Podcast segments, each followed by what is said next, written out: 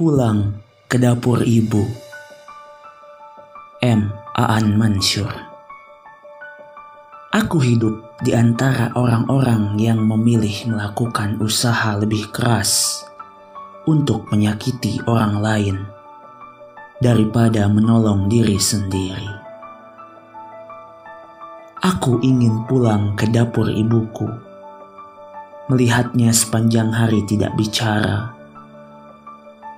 Aku ingin menghirup seluruh kebahagiaannya yang menebal jadi aroma yang selalu membuat anak kecil dalam diriku kelaparan.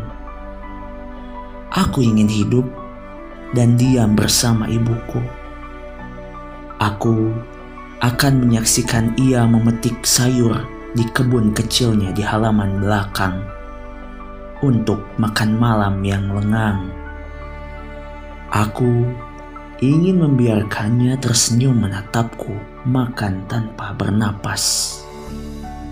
Aku ingin melihat ibuku tetap muda dan mudah tersenyum. Aku ingin menyimak seluruh kata yang tidak ia ucapkan. Aku ingin hari-harinya sibuk mendebak siapa yang membuatku tiba-tiba suka bernyanyi di kamar mandi.